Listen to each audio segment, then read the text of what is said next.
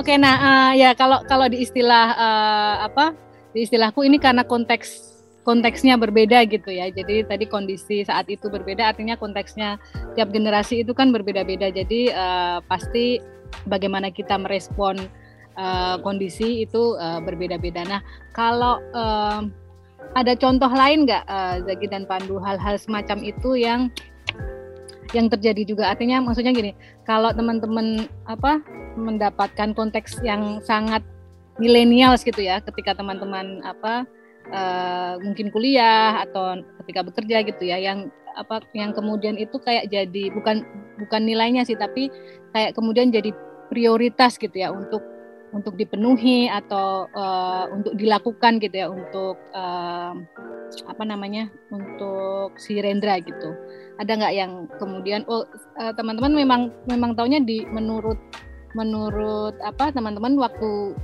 berada di generasi ini oh, dapat hal penting apa dan memang kemudian diyakini dan itu mau ditularkan uh, ke. Rendra. Ada nggak selain yang tadi gitu ya? Selain contoh-contoh yang tadi. Susah ya pertanyaannya ya.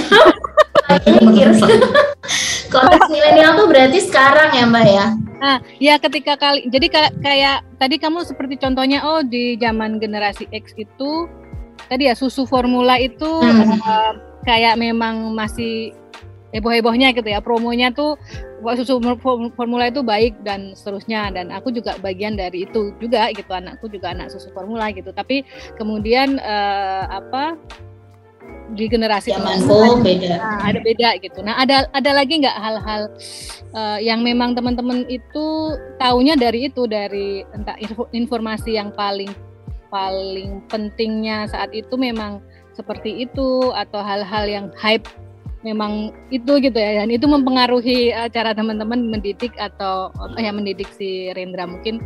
Entah ada tontonan tertentu atau apa gitu. Itu ada nggak yang sangat milenial gitu? Sangat milenial. Apa sangat milenial ya? Tontonan yang jadi uh, tapi yang kami pakai ya mbak ya? Hmm, hmm, hmm, yang kami terapkan. Ya ya kami itu kebetulan oh mungkin ini juga ya uh, kami itu kebetulan nggak memegang satu ideologi tertentu gitu ya dalam parenting ini yang menurut kami penting ya. Nggak ada kan kita. Yeah. maksudnya kan uh, nggak ada banyak kan metode-metode parenting atau hmm, apa ya cara-cara gitu-gitu ya.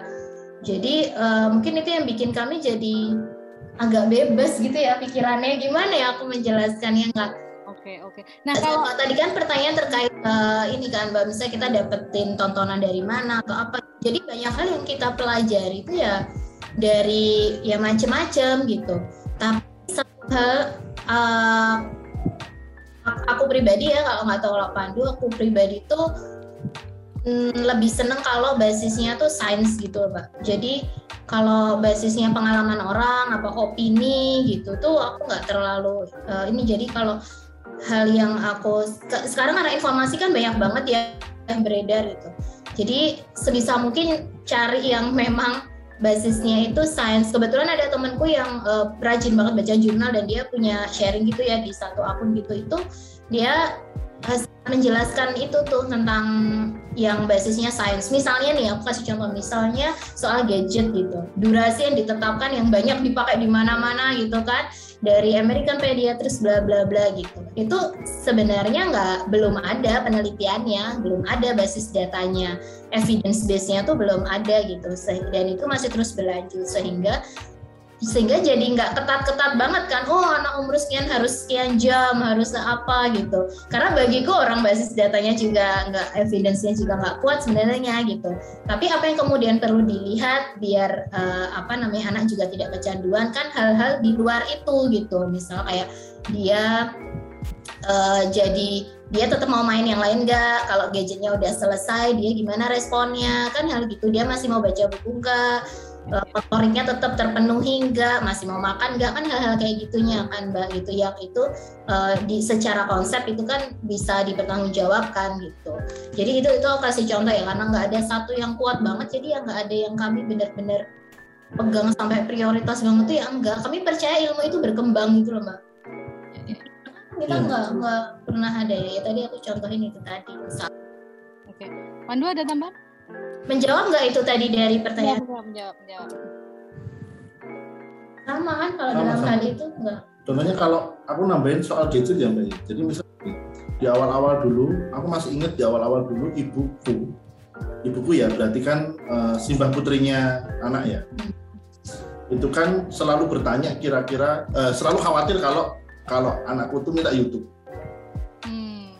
secara secara yang diketahui oleh ibuku itu yang namanya YouTube itu itu berbahaya lah ya kan karena konten-konten yang nggak bisa kita kendalikan dan sebagainya gitu. Ya, ya. Nah uh, itu contohnya dan mungkin ibu juga dapat informasi dari uh, barusan-barusan aja bahwa anak ketika suka gadget atau suka youtubean itu ya, ya sampai sampai ibu sampai ibu ingat ya takut ada berita yang matanya sakit gitu ya, ya, ya. karena anaknya youtubean jadi sampai ngeri gitu nah uh, terus itu juga sebenarnya ibu mendapat informasi itu menguatkan ketika dulu ibu juga kalau bisa sebisa mungkin aku nggak bisa uh, atau aku nggak terlalu lama nonton TV. Hmm. Awal-awal itu masih konflik tuh ketika kami nitipin Rendra ke tempat bukti. Hmm. Ketika Rendra udah mulai bosen dan dia pengen YouTube, antara dikasih atau enggak. Bingung sebenarnya itu. Nah. Justru orang tuanya lebih santai ya. Nah, ya. Sementara kami sendiri, kami berdua itu tidak bukan termasuk orang yang punya apa ya, punya batasan yang sangat khusus terhadap gadget karena kami menyadari bahwa Rendra sekarang itu berada di zaman yang gadget itu udah sangat masif. Bisa kan kita menyalakan atau melebeli gadget itu buruk atau bahkan kita melebeli YouTube itu jelek buat anak. Kita nggak bisa kayak gitu. Netral kan sebagai ya. sebuah media. Nah, YouTube itu netral, gadget itu netral. Bahkan kami pun akan selalu bilang sama Rendra atau kita membiarkan kalau kita mainan HP itu di depan Rendra bahkan gitu. Iya kan? gitu.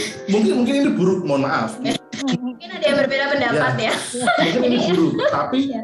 dari situ uh, entah kenapa jadi Rendra tahu gitu. Anakku tuh tahu ngapain aku tuh main gadget. Nah, mungkin itu proses komunikasi gitu. Misal ayah baru kerja, ya, ayah baru kerja, ayah baru balas WA. Ibu baru online shop. Ibu baru online shop. Ibu baru belanja. Update, bukan update status Instagram gitu gitu kan. Dia tahu. Aku bilang kalau aku lagi posting aku bilang. Lagi posting jadi tahu. aku jujur aja gitu nah, loh Mas. Rendra tuh kadang tiba-tiba gini Rendra juga mau posting ah uh, uh, pakai pakai gadget-gadgetan atau apa gitu oh, ya kertas jadi nah dari situ bahkan di YouTube di YouTube itu uh, kami bahkan uh, bukan membiarkan ya akhirnya kami membuat kesepakatan sama Rendra boleh di YouTube dikasih jadwal-jadwal tertentu gitu kan lihat YouTube. Nah, yang akhirnya kami bisa kendalikan adalah pertama Konten. itu selalu pakai akunku sehingga setiap search historinya itu kan bisa kami tahu kan itu yang pertama. Yang kedua ya kami harus dalam tanda kutip sekarang membayar ekstra supaya tanpa iklan. Iya premium gitu kan. Kayak iklan ya. Gitu. jadi supaya nggak ada iklan. Halo YouTube nggak ada iklan di situ gitu kan. Nah akhirnya kami harus harus seperti itu caranya gitu. Dan mengenalkan itu ke ke Rendra sampai katanya itu pernah pas pakai akunnya ibunya itu ini kok malah ada iklan sih? Iya nggak suka. Itu nah uh, terus dari situ yang kami concern adalah yang kami concern di situ adalah setelahnya. Setelah anak bermain gadget setelah anak lihat YouTube itu seperti apa perilakunya kalau perilakunya itu menyimpang hmm. kalau perilakunya itu menunjukkan hal ke arah yang buruk baru di situ kita bertindak tapi ketika perilakunya itu baik-baik saja atau justru menambah sesuatu hal yang positif ke anak, ya udah kita bisa mengambil YouTube itu sebagai pendekatan untuk mengajak anak belajar. Oh wow, ya, ya. Akhirnya yang yang beda gitu lah dari yang dulu ibu. Nah akhirnya itulah yang kami transfer ke ke simbahnya Reza gitu, oh. bahwa nonton YouTube didampingi dipakai akun yang ini hmm. nanti setelah itu diajak ngobrol setelah Tadi itu lihat apa direspon. gitu lihat gitu. apa nonton apa kita mbak nontonnya apa terus dia dapat ide bermain setelah nonton itu oh tadi si ini uh, ada nama orang di YouTube itu bikin ini anak kecil nanti dia nge-review juga aku juga mau nge-review mainan atau apa nah hal-hal kayak gitu kan yang harus kita perhatikan kan setelahnya itu gimana dan sebisa mungkin dia tetap mau cerita ke kita gitu loh komunikasi. Ini karena mungkin kecil ya nggak tahu kalau udah remaja kayak segede anaknya apa. Ini aku nggak tahu. Belum tahu nanti bertumbuh lah kita dari situ. Tapi itu tadi sih kalau balik lagi yang millennials banget. Itu kan memang teknologi ya mbak ya. Yang banget kan itu. Oke oke, menarik sekali. Jadi sebenarnya yang millennials banget itu bukan soal cara millennials menjadi parent gitu ya, karena setiap orang pasti punya pendekatan yang berbeda-beda. Tadi uh, apa namanya Zagi sama Pandu itu memang kalau aku dengar cerita dari awal tuh memang kebetulan dua orang yang sangat terbuka gitu ya dengan kalau Zagi percaya dengan sains, kalau uh, apa Pandu selain dengan sains juga terbuka dengan apa karena tadi ya apa dari kecil tuh apa terbuka gitu ya memang memang hidupnya slow gitu iya. jadi tidak tidak judging sesuatu dengan cepat jadi malah malah terbuka dan iya iya justru, justru yang apa menjadi nilai apa nilai yang kalian sepakati dan memang diterapkan soal uh, apa parenting itu ya. Jadi bukan soal apa namanya harus begini harus begitu tapi uh, menarik sekali tadi contohnya. Oh jadi bukannya nggak boleh pakai YouTube pakai aja. Yang penting justru malah mengajari anak dari sedari kecil gitu ya. Cara mengelola hal-hal hal-hal baru atau hal-hal yang mungkin orang kira negatif gitu ya tapi sebenarnya bisa dikelola juga. Dan ternyata apa kalau dengar cerita dari contohnya bagaimana Rendra bersikap lalu juga kadang aku juga lihat uh, postingan Zaki uh, di IG story tentang Rendra itu lucu banget sih anaknya. Pinter banget sih mas. ya umurnya masih lucu mbak. Umurnya masih lucu. Ntar tunggu ya kalau makin gede. Maksudnya maksudnya pinter gitu ya. Dia bisa mas oh ternyata karena memang oh ternyata ceritanya begitu. Kalian memang ya. ajarin ngajari berdiskusi jadi bukannya langsung ABCD gitu ya dari awal itu kamu mau yeah. apa kalau kamu mau gini begini begini nanti kalau lihat dampaknya terus baru kemudian uh, dicek lagi gitu ya. Nah itu sebenarnya um, aku aku justru sebagai orang tua tuh malah mungkin baru menyadarinya ketika anak sudah mulai agak besar. Nggak tahu aku lupa dulu waktu kecil tuh aku mendidik anakku gimana. mungkin kami besok juga udah lupa sih mbak kalau mbak Nia YouTube lagi apa podcast lagi 10 tahun lagi mungkin aku juga udah lupa. Tapi ideal eh, tapi idealnya memang seperti yang maksudnya kalau menurutku personal ya mungkin orang lain juga punya pandangan beda tapi that's menurutku ideal thing that we can do as parent gitu ya. Ya kita nggak pernah uh, nggak ya anak-anak kan punya ya seperti tadi apa ya Pandu cerita ya anak-anak itu kan juga punya persepsi tentang orang tuanya ya dia persepsi ibu sama bapaknya aja beda-beda. Jadi kayaknya personally aja tuh juga perlu apa treatment yang berbeda gitu ya. Teman maksudnya bagaimana teman-teman berkom Pandu atau Zagi berkomunikasi dengan anak aja kan dengan pribadinya masing-masing gitu kan. Nggak seperti harus robot yang terplan begini begini nah ya. anak iya betul, ya, betul, betul. bukan robotnya manusia Iya kalau anak dan ini lomba nggak apa kayak gitu kan secara nggak sadar uh, sorry secara nggak sadar itu kita ngajarin uh, sedang membangun karakter toh. Yang itu tuh menurutku tuh lebih susah gitu lomba. Kayak tadi misalnya tentang gadget kita sebenarnya sedang mengajarkan regulasi diri. Dia tahu rasa cukup ketika udah cukup nontonnya hal-hal pengendalian diri. Nah hal-hal dibalik itu tuh loh yang menurut kita tuh mahal banget itu lebih susah gitu, daripada permukaannya doang gitu. Oh kamu boleh ini nggak boleh itu. Itu kan permukaannya. Tapi gimana sih dia mengelola yang tadi mbak Nia sampaikan tadi mengelola sesuatu yang punya dua resiko loh eh, ada positifnya dan negatifnya gitu. Yang lebih susah kan sebenarnya itunya kan mbak. Membangun karakter seperti itunya loh yang ya, dan dan pasti di sekolah itu susah diajari. Itu memang iya, iya. orang tuanya. Kalau kita berharap di sekolah ya sekolah berkarakter ya itu menurutku ya mungkin sebagian kecil aja upaya sekolah tapi uh, maksudnya apa namanya aku amazed aja apa namanya Zaki sama Pandu sudah melakukannya sedari sedari dini ya walaupun itu tidak terplan tapi mungkin karena teman-teman memang terbuka dan percaya hal-hal baik gitu ya.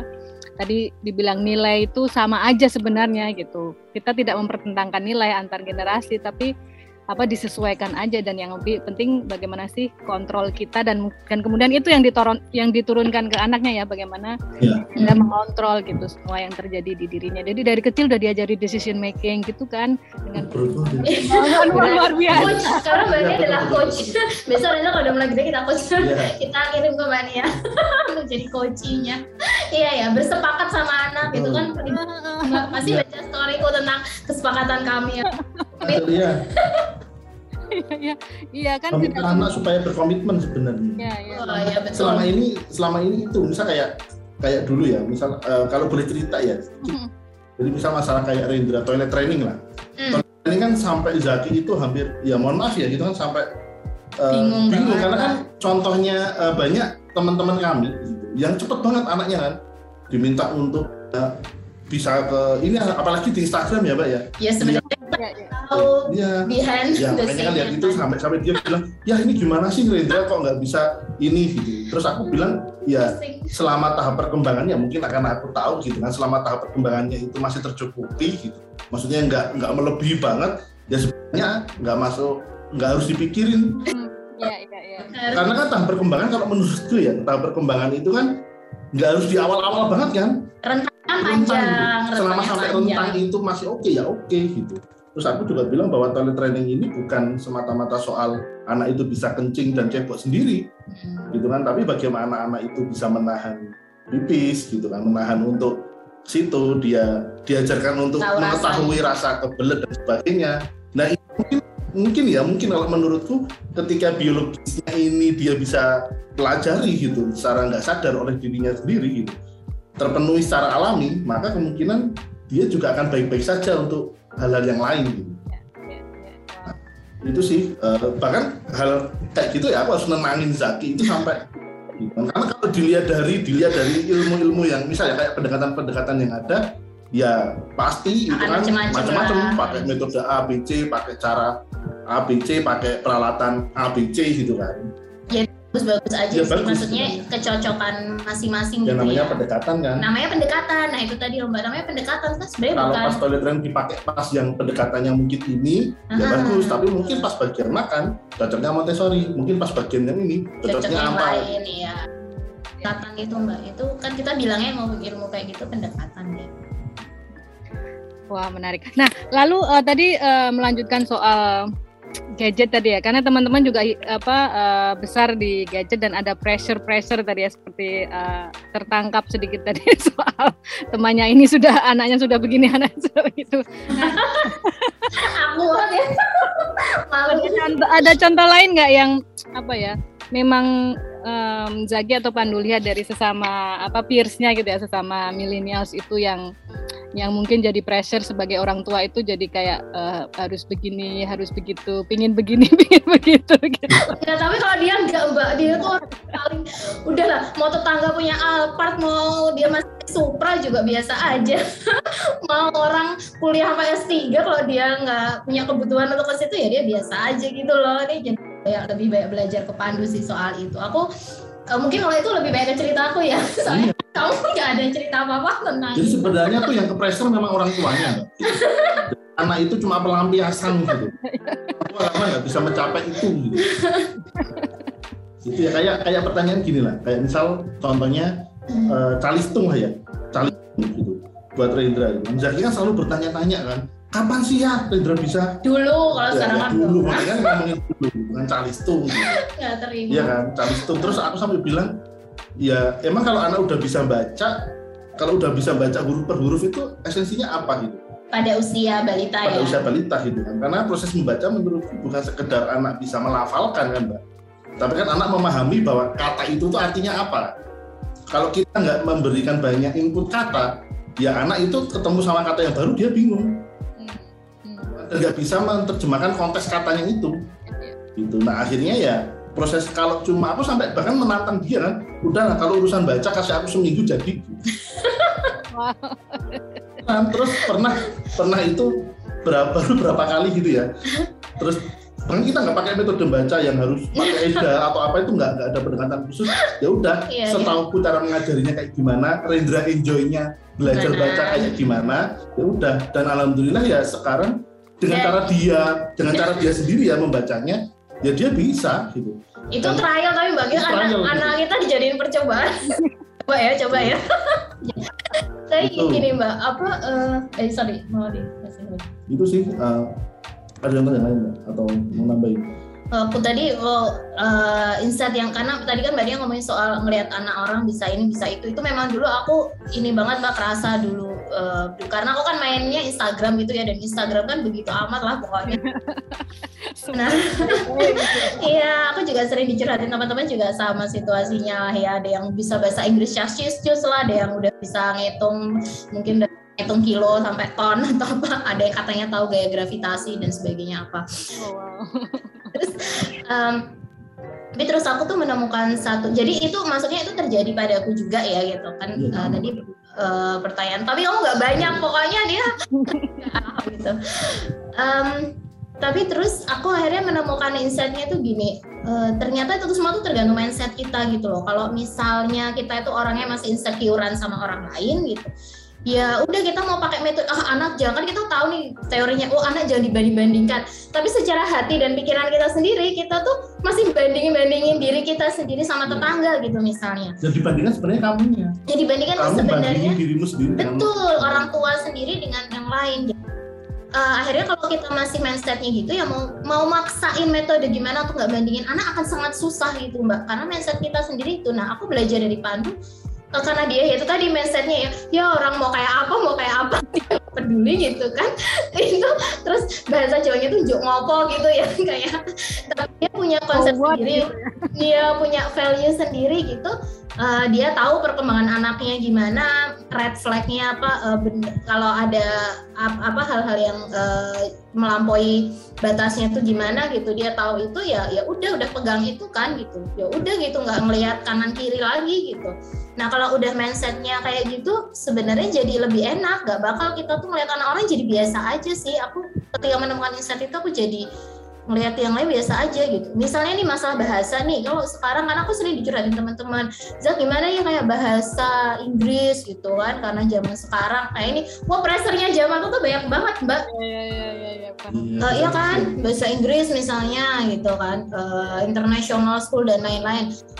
Uh, kalau udah uh, kalau mindset ya emang kenapa anak kita harus bisa bahasa Inggris pada saat ini gitu kan itu dulu harus ditemukan kan mbak gitu fungsinya gitu. Nah baru nanti kita ngambil oke okay, kalau misalnya memang mengajarkan bilingual, oke okay, caranya gimana gitu. Tapi mindsetnya tuh harus benar dulu. Nah mindset yang harus benar ini bahwa uh, bahasa itu kan alat komunikasi gitu. Jadi nggak ada satu bahasa lebih baik dari bahasa lain. Nah mindset ini tuh yang perlu dibenerin dulu. Misalnya sebelum ngajarin ke uh, jadi ketika ada anak orang yang wah oh, dia bisa ini bisa itu kita tuh juga tahu gitu loh kalau kita punya Uh, kenapa kita harus terganggu banget gitu kalau dia bisa bahasa Inggris gitu? Kan bahasa Inggris tidak berarti lebih baik dari bahasa Indonesia kan? Yang penting sekarang apa yang terjadi pada anakku aku pengen dia bisa berkomunikasi dengan lingkungannya saat ini ya, gitu. bisa merespon komunikasi bisa merespon dengan komunikasi orang dengan orang lain dulu itu yang aku pegang ya. Berarti aku oke okay, dan aku percaya bahasa bisa dipelajari at any age gitu ya di usia berapapun. Nanti tetap akan aku beri bekal. Sekarang pun juga juga tahu beberapa kata bahasa Inggris gitu ya. Orang kita juga nyanyi nyanyi pakai bahasa Inggris tapi karena aku tidak memegang harus bilingual sekarang ya anak orang lain mau bilingual sekarang ya terserah-serah aja itu ininya mereka gitu loh mbak. Karena mindsetku udah ke bawah itu tadi.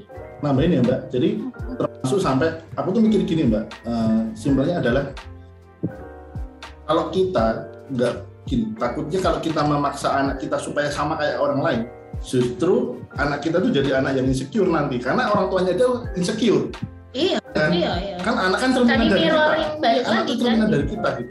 Bagaimana orang tua merespon kondisi yang ada di luar, anak itu akan meniru gitu. Kalau sekarang misal ya, kenapa Rendra belum kita kasih bilingual ya? Bukan berarti kita nggak mau, karena kita tahu bahwa bahasa adalah alat untuk berkomunikasi. Ketika dia nanti bisa berkomunikasi dengan baik, maka semua kebutuhannya bisa dipenuhi dengan baik. Ya kan? Kalau dia nanti butuh komunikasi bahasa Inggris, barulah kita kasih bahasa Inggris. Ya. Buat prinsipku yang pertama, ya asalkan kita bisa pede gitu. Uh, kita bisa membawakan atau berperilaku baik-baik aja dengan bahasa yang Rendra atau kami kuasai sekarang mungkin aku berharap ya Rendra akan pede juga dengan menggunakan bahasa Indonesia. Tidak lagi insecure itu yang pertama. Yang kedua aku melihatnya gini kalau soal terkait dengan apa ya bahasa pengetahuan-pengetahuan yang lain ya. Selama anak itu dalam kondisi IQ yang normal maka dia akan belajar itu gampang. Nah yang paling harus diketahui adalah kita harus lihat dulu anak kita itu IQ-nya normal dulu atau enggak. Kalau enggak ada gangguan dalam belajar, normal. pasti sesuai dengan umurnya nanti akan bisa belajar itu banyak kebukti kayak gitu kan teman-teman kita yang mungkin belum bisa baca ketika dia akhirnya di sekolah hmm. ya nggak lama dia bisa baca gitu. karena emang udah umurnya karena, karena udah umurnya gitu. ada umurnya dan aku juga ngomong sama Zaki kami berdua sepakat kalau seandainya ada anak yang udah pinter duluan sebelum sebelum umur yang seharusnya. Sebelum uh, dibanding sebayanya gitu ya, ya? dibanding sebayanya. Ya udah mungkin dia memang ya rezekinya. ya, rezekinya dia memang udah pinter gitu loh. Ya gitu. udah Karena, ya. iya pinternya kan masing-masing.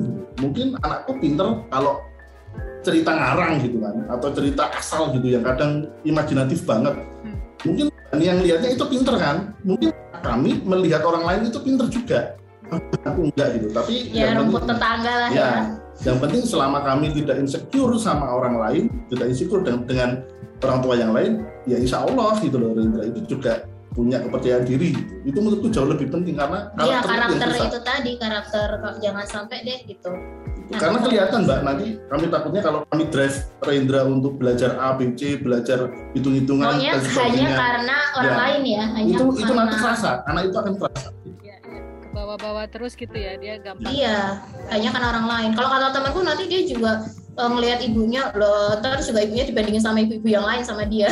Itu bu itu udah begini kok ibu masih begitu aja? Jangan sampai balik ke aku. Ibu itu kalau ibu enggak? Ibu itu udah kaya ibu gini-gini aja.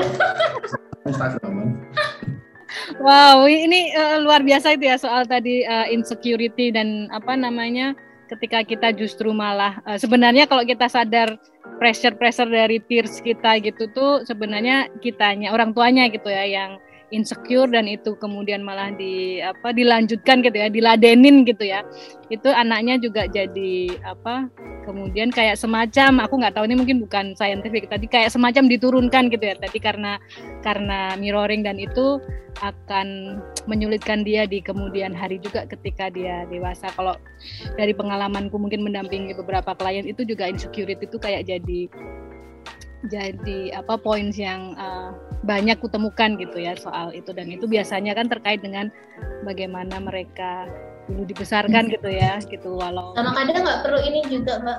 Eh sorry. Pak tadi terputus gitu ah udah ada uh, jadi uh, sama ini juga loh kadang tuh nggak perlu juga kita tuh harus nyari-nyari banget apa anak kita yang lebih dari orang lain hmm. gitu. Menurutku rasa syukur tuh ya apa adanya aja gitu. Kadang kan orang gini, oh si anak itu emang udah bisa naik sepeda roda dua gitu. Tapi anakku walaupun belum bisa, tapi anakku kan bisa ini, bisa itu. Itu aja insecure tapi sombong. Sama aja gitu. Maksudnya ya udah gitu loh. Pengalian. Gitu. Uh, itu pengalihan kan sebenarnya menutupi rasa insecure-nya dengan cara yang lain gitu. Karena uh, nggak sehat aja sih menurutku gitu. Karena yang pengen kita ajarkan ke Rendra juga adalah ya kamu juga support teman kalau ada temen yang memang dia bagus ya udah kita apresiasi juga oh temennya bisa hafal Quran di usia yeah. dini ya udah apresiasi juga gitu dia dan nggak perlu nyari-nyari aku lebih dari yang lain. Nggak ya. cukup yeah. membandingkan dirimu dengan dirimu sendiri gitu loh. Dan dan namanya dan yang pengen itu adalah kami pengen banget kalau Rendra itu pun menyadari kalau dia itu nggak bisa sesuatu. Iya nggak semua hal dia nggak bisa. semua hal itu harus bisa gitu.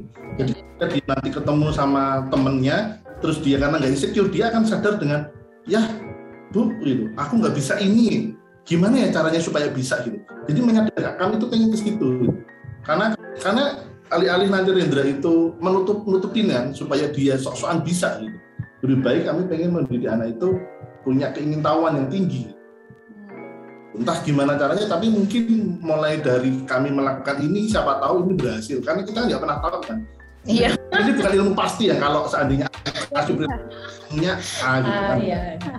Cara kami kayak gini siapa tahu buat Rendra pas gitu. Tapi mungkin ketika ketemu sama orang lain bisa jadi juga bisa pas. Hmm. atau mungkin mereka punya cara sendiri. Ya ya ya ya ya ya, ya yang ku garis bawahi sebenarnya yang teman-teman apa uh, didik uh, yang coba di apa terapkan gitu ya di dalam parenting adalah membangun kepercayaan diri uh, Rendra gitu ya dengan kemampuannya sendiri kemudian mengenali dirinya sendiri juga gitu ya. Jadi ketika dan menerima uh, dirinya juga ketika dia bisa ini ya oke okay, ketika nggak bisa ya oke okay, gitu ya. Lalu tadi ya apa soal-soal apa value diri yang menurutku sangat mendasar sangat esensial itu udah teman-teman apa terapkan uh, ke Rendra gitu ya. Dan tadi ada satu tips yang menarik dari teman-teman sebenarnya soal uh, yang soal membandingkan tadi sebenarnya kalau yang teman-teman lakukan selama ini dicek aja kalau nggak salah ya tadi dicek aja sebenarnya uh, kenapa sih harus uh, melakukan itu? Kayak tadi apa compare ke kebiasaan temen, tem, anaknya teman lain gitu ya.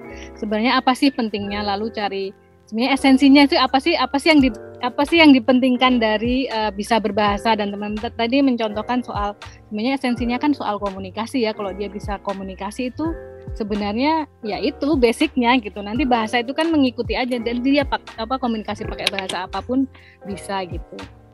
Menyenangkan sekali. Nah mungkin uh, dua pertanyaan terakhir gitu yang pertanyaan terakhir pertama sampai di titik ini masih ada nggak hal-hal yang kalian masih perdebatkan gitu ya. Belum belum ketemu gitu ya cara uh, memperlakukan uh, Rendra gitu dalam nggak tahu mungkin ada hal-hal tertentu yang belum cocok gitu masih mencari-cari gitu.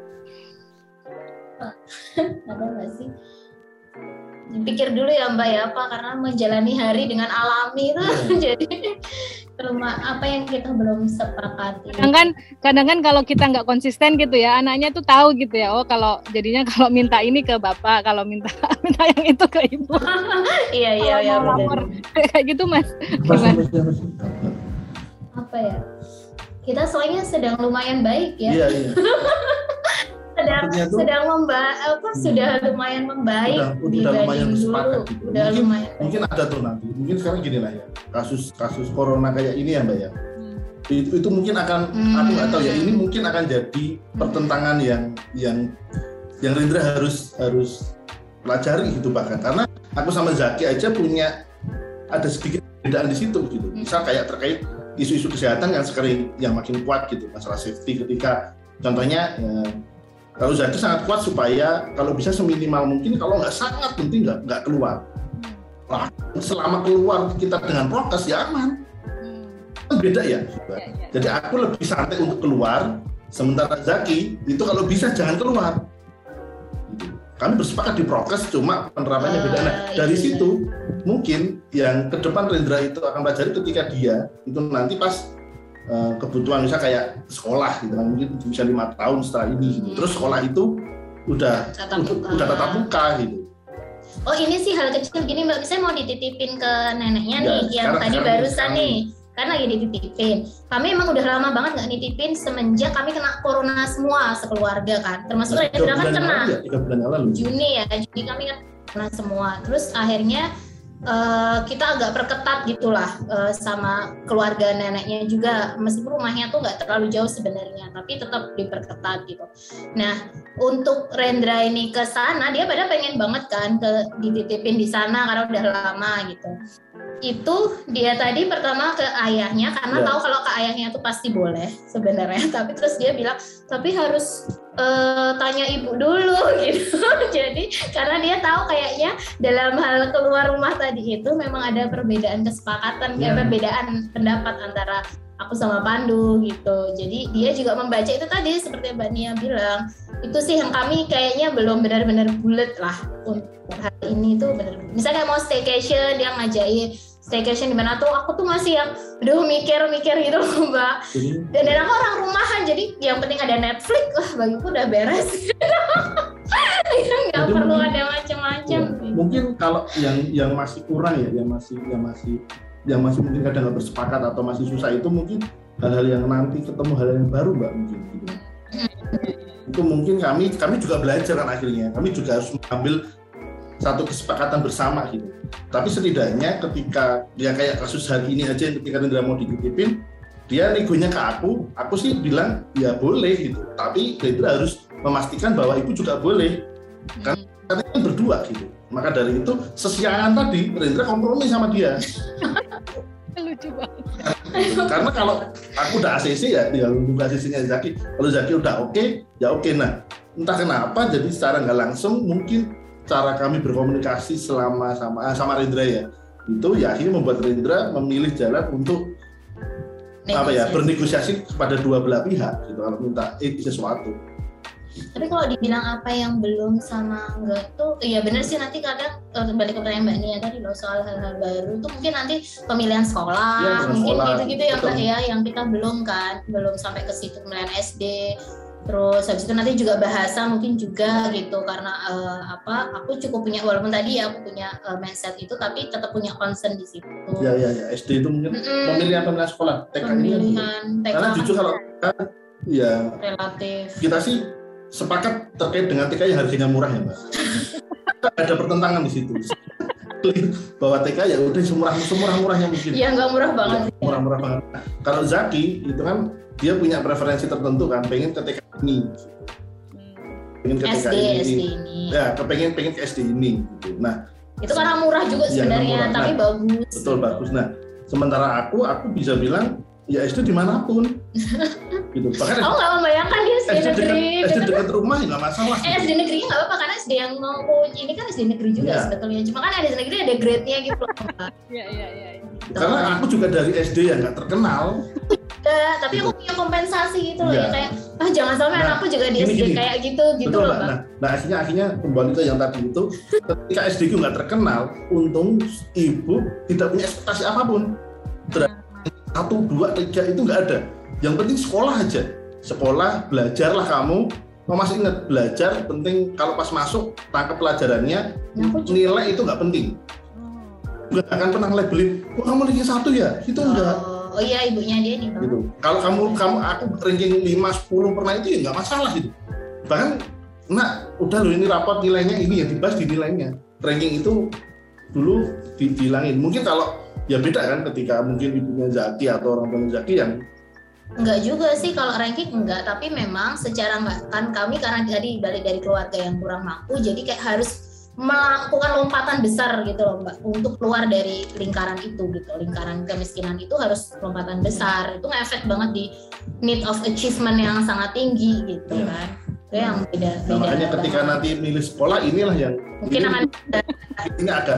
Ini belum Hmm, kalau tadi ini Mbak. belum mbak Nia tanya karena Mungkin- jujur ya itu tadi mbak kami udah membaik lah untuk hal-hal yang balita ini ya yang umur-umur balita. Nah nanti mungkin kan ini habis ini transisi kan ke stage berikutnya kan Ya, stage perkembangan betul. berikutnya nah ini pasti ada tahun anak anak. sekarang tahun Eh, habis ini yang kayaknya ada banyak hal yang harus kami diskusikan soal agama juga kan udah mulai harus sholat gitu-gitu kan mbak ngaji gitu nah mungkin ntar akan banyak gitu.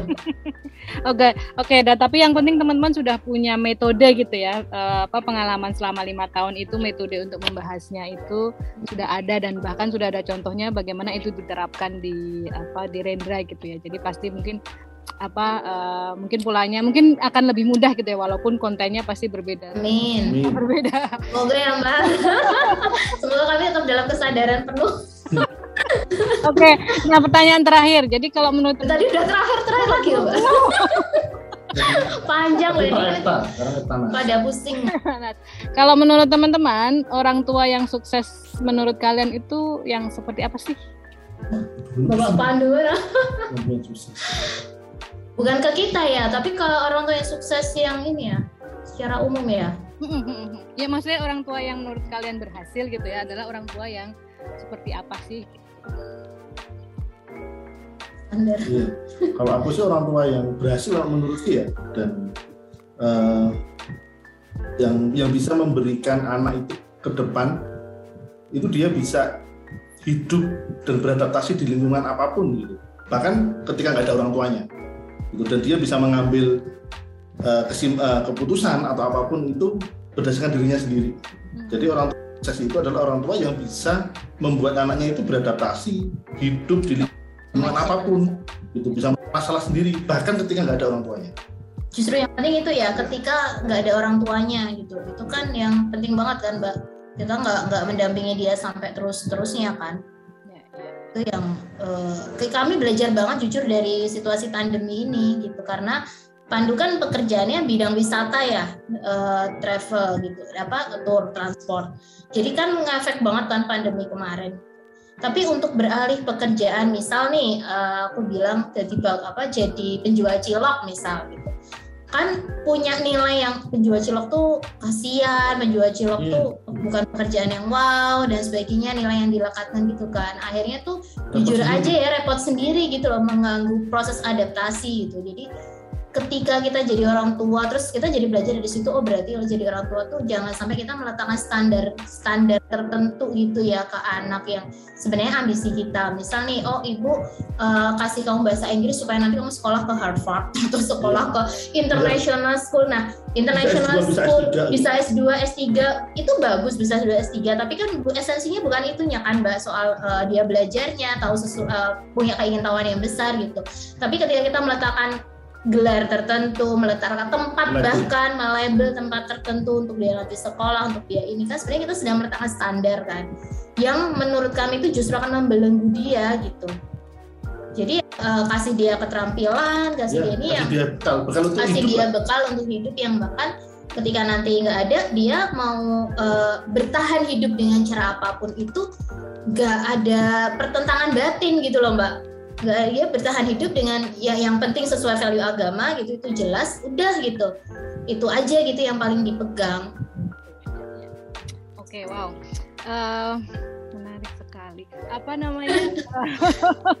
aku terpesona. loh bu Aku terpesona. tapi kalau nggak sesuai gitu ya silakan dipotong-potong ya dikat-kat kayaknya panjang banget Ya, yang terakhir tadi kan ini, oh jadi orang tua yang uh, berhasil adalah justru orang tua yang memberi bekal uh, anaknya untuk bisa beradaptasi dengan uh, kondisi di mana pun dia berada dengan kemampuannya sendiri. Dan uh, tambahannya adalah dengan tidak meletakkan orang tuanya ini tidak meletakkan standar atau tidak membuat standar-standar yang uh, tidak perlu gitu ya karena Hmm. tadi ya kondisi pasti berbeda gitu zaman pasti berbeda gitu. Dan anak-anak kalau sudah bisa mandiri berpikir sendiri itu they will survive gitu ya insya Allah gitu ya.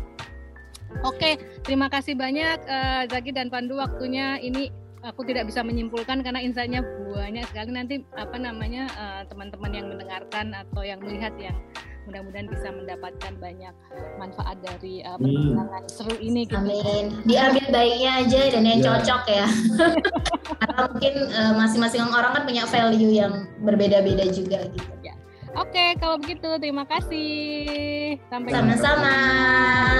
Mbak Nia, makasih.